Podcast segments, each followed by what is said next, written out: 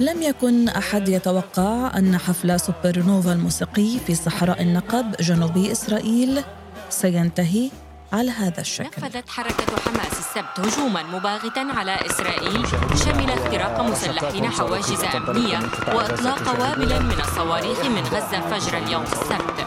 كما قتل عدد من الأشخاص حين اقتحمت حماس حفلا موسيقيا جنوب إسرائيل. صباح السابع من تشرين الأول أكتوبر.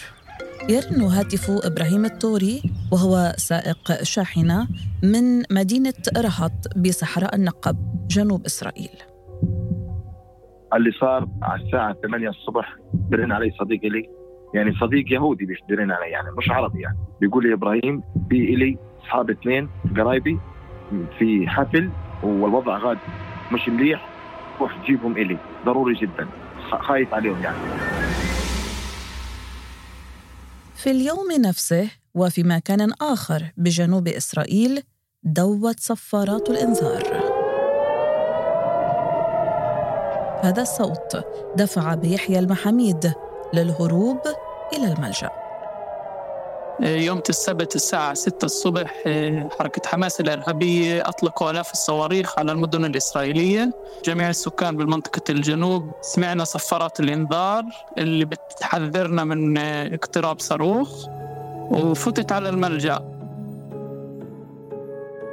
في حلقات سابقة من بودكاست زوايا استمعنا إلى أصوات من غزة ومن لبنان وعن مشاهدات المدنيين ومآساتهم من الحرب الأخيرة بين إسرائيل وقطاع غزة. في هذه الحلقة سنستمع إلى أصوات من إسرائيل تروي تفاصيل وهول ما حدث في السابع من أكتوبر الماضي حين اخترقت حركة حماس الجدار الفاصل مع إسرائيل. ونفذت عملية عسكرية في العمق الإسرائيلي بمستوطنات تقع في منطقة بمحيط قطاع غزة. تعرف بغلاف غزة.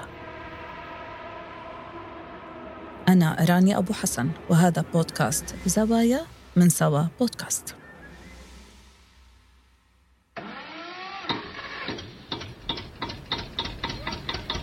بشتغل كل حياتي في الكبوتات يعني كيبوتس نير عوز كيبوتس صفار كيبوتس نير عوز يعني كل هذول في الكبوتات اصحاب هذا إبراهيم من الفلسطينيين اللي بقي أجدادهم بأراضيهم بصحراء النقب بعد إعلان قيام دولة إسرائيل عام 48 كانوا وما زال بعضهم يعتاش من تربية المواشي والعمل بالزراعه إبراهيم أنت ساعدت ناس مصابين كانوا بالحفل ونقلتهم بسيارتك. شو خبروك؟ أشياء زي هذه ما بقدر أحكي. أنا بحكي الدين تاعنا كمسلمين ممنوع اللي يصير هذا. اللي صار هذا مش في ديننا. نتفهم طبعا يعني الوضع إبراهيم ولكن هل حدا من معارفك تضرر بأحداث 7 أكتوبر؟ في عندنا خمسة من رهب من بدو مخطوفين لحد الحين. خمسة. تعرف حدا منهم؟ بعرف العيلة بتاعتهم يعني. وربي يفرجها عليهم كلهم يعني. طيب شو عم تقول العيلة؟ يعني هم مو عارفين إنهم عايشين أو ميتين. مو عارفين إحنا ما إحنا عارفين إنهم عايشين أو ميتين. هؤلاء كانوا من بين عشرات خطفتهم حركة حماس والجهاد الإسلامي إلى داخل قطاع غزة.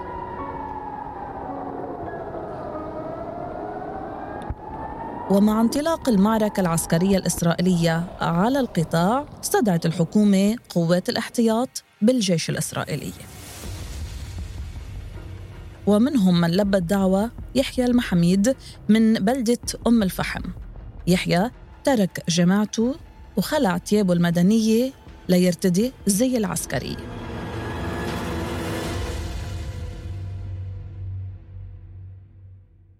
تحدثت مع يحيى وسألته عما حصل معه ب 7 أكتوبر وكيف عرف بالهجوم المفاجئ. بعد ما طلعت من الملجأ طبعا فتحت على الأخبار و... وبلشت أشوف صور لا توصف. شو بيقولون هاي؟ نسيت المثل. نتمنى طبعا ما يكون حدا من قرايبك أو معارفك تضرر بالهجوم. خسرت كثير من أصدقائي اللي موجودين في منطقة غلاف غزة. هل كان في حدا منهم كتير مقرب إليك بشكل أو بآخر؟ واحد من أصدقائي كان اسمه شاحر أفياني كان منسق الأمن منطقة كفار, كفار غزة قريب على الحدود. تعرفنا أنا وياه على بعض لما أنا كنت في آه، خدمة الخدمة الإجبارية. خدمت ما يقارب العشر أشهر على خط الدفاع في منطقة غزة. تعرفنا على بعض وحكينا وهو بيعرف عربي و يعني كان في كونكشن كان في مواضيع كثيرة مشتركة. للأسف أنا وديت له بعثت له رسالة يوم السبت الصبح لما طلعت الأخبار وما ما رد على الرسالة. طبعا الأخبار بعد ست ساعات وصلت عن المجتمع تبعه وعن مستوى الدمار اللي موجود هناك وبعد يومين يعني طلع اسمه في الأخبار وحكوا إنه توفى. يحيى لما شاهدت صور الاقتحام. شعرت بالخوف؟ لا خوف ما كان موجود. الصور بعد ما إحنا شفناها كل مواطنين إسرائيل الرد ردة الفعل الأولى كانت غير التصديق. حتى يوم السبت في السابع من أكتوبر اجتاحوا المدن الإسرائيلية القريبة من الغلاف وأعدموا جميع السكان المدنيين العزل إيه، دخلوا إلى البيوت أحرقوها قتلوا من فيها أنت شو عملت بعدين؟ وين رحت؟ إيه، بعد هاي الأخبار ما طلعت إيه، أنا طبعا جهزت نفسي للنداء للمكالمة اللي راح توصلني من الجيش فهمت سريع إنه الوضع وضع طوارئ وضع مش طبيعي. حاليا أنا في خدمة الاحتياط. يحيى خلينا نحكي هلأ عن دورك بالجيش وكيف بتوصف معنوياتك خضعت لتدريبات قتالية قبل ما تلبي الدعوة للاحتياط؟ المعنويات كثير عالية. إحنا دفعنا ثمن كثير كثير غالي هنا في المجتمع الإسرائيلي وهي مهمتي أنا كجندي في جيش الدفاع الإسرائيلي أدافع عن مجتمعي عن وطني. السنة الفائتة كان عندنا تدريب على في جيش الدفاع على مستوى الدولي أجمع كانت عملية تدريب اسمها عربات النار لمحاكاة سيناريوهات على اشتعال جبهات متعددة من الشمال ومن الجنوب ومن الداخل الإسرائيلي. التمرين كان آه، عبارة عن تمرين لشهر تقريبا القوات المسلحة قوات الجو والأرض والبحر اتدربوا برضو إحنا كنا في اللواء عندي كنت دربنا على هذا الموضوع. التدريبات كل سنة وكل فترة وكل شهر تقريبا إحنا من بنعملها علشان نكون جاهزين كل الوقت. هل شاركت بعمليات عسكرية من قبل؟ أنا أنا خدمتي العسكرية بلشت في 2018 آه، لحد 2020 ما كنت في معارك كنت في آه، ما يسمى بجماعه آه، جمعة العودة. كانت مظاهرات حشيدة على على على السلك السلك بين غزة وإسرائيل. من بين 8000 ل 15000 متظاهر على على السلك. يحيى أنت عم بتأدي واجبك الوطني آه، مثل ما عم بتقول ولكن كيف تتعامل مع واقع إنه العديد من العائلات العربية الإسرائيلية عندها امتداد أسري في غزة؟ أنا متفهم هذا الشيء أنا عندي أصحاب أنا عندي عائله في غزة. أنا بحكي معاهم كل يوم. حان الوقت إنه إحنا نوري لحماس ولكل الحركات الموجودة عندنا كل الحركات الإرهابية الموجودة في الشرق الأوسط إنه استعمال المدنيين كدروع بشرية كرت محروق. تتواصل مع أصحابك والقرايب بغزة؟ آه أكيد. أنا بحكي أنا واقاربي في غزة تقريبا كل يوم كل ما يكون الإنترنت موجود إيه وجدوا أنفسهم في هاي في هاي الحرب بدون أي سبب. طيب بيعرفوا إنك جندي بالجيش الإسرائيلي؟ إيه طبعا. كانوا يعم كانوا يعلموا إنه أنا في الجيش الإسرائيلي وكانوا داعمين. كمان هاي الشغلة. وكمان لما أنا خدمت على الخط إيه، الحدودي كنت أحكي معاهم وكانت في مزحة بيننا إنه ممكن نشوف بعض على الخط. شو هي الأشياء اللي بتتحدثوا فيها وعنها؟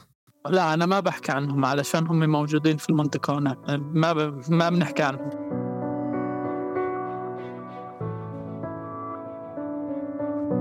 منذ السابع من أكتوبر الماضي وحتى اليوم لم تتوقف الحرب بين إسرائيل وغزة. الحكومة الإسرائيلية وضعت هدف وهو القضاء على حركة حماس. حرب أثرت على مئات وآلاف العائلات. حتى صار حلم المدنيين العودة إلى ما كان عليه الوضع قبل نشوب هذه الحرب يعني العودة إلى حياة طبيعية وآمنة وأنا بقول بتمنى بتمنى ربنا تفرج علينا وإن شاء الله خير.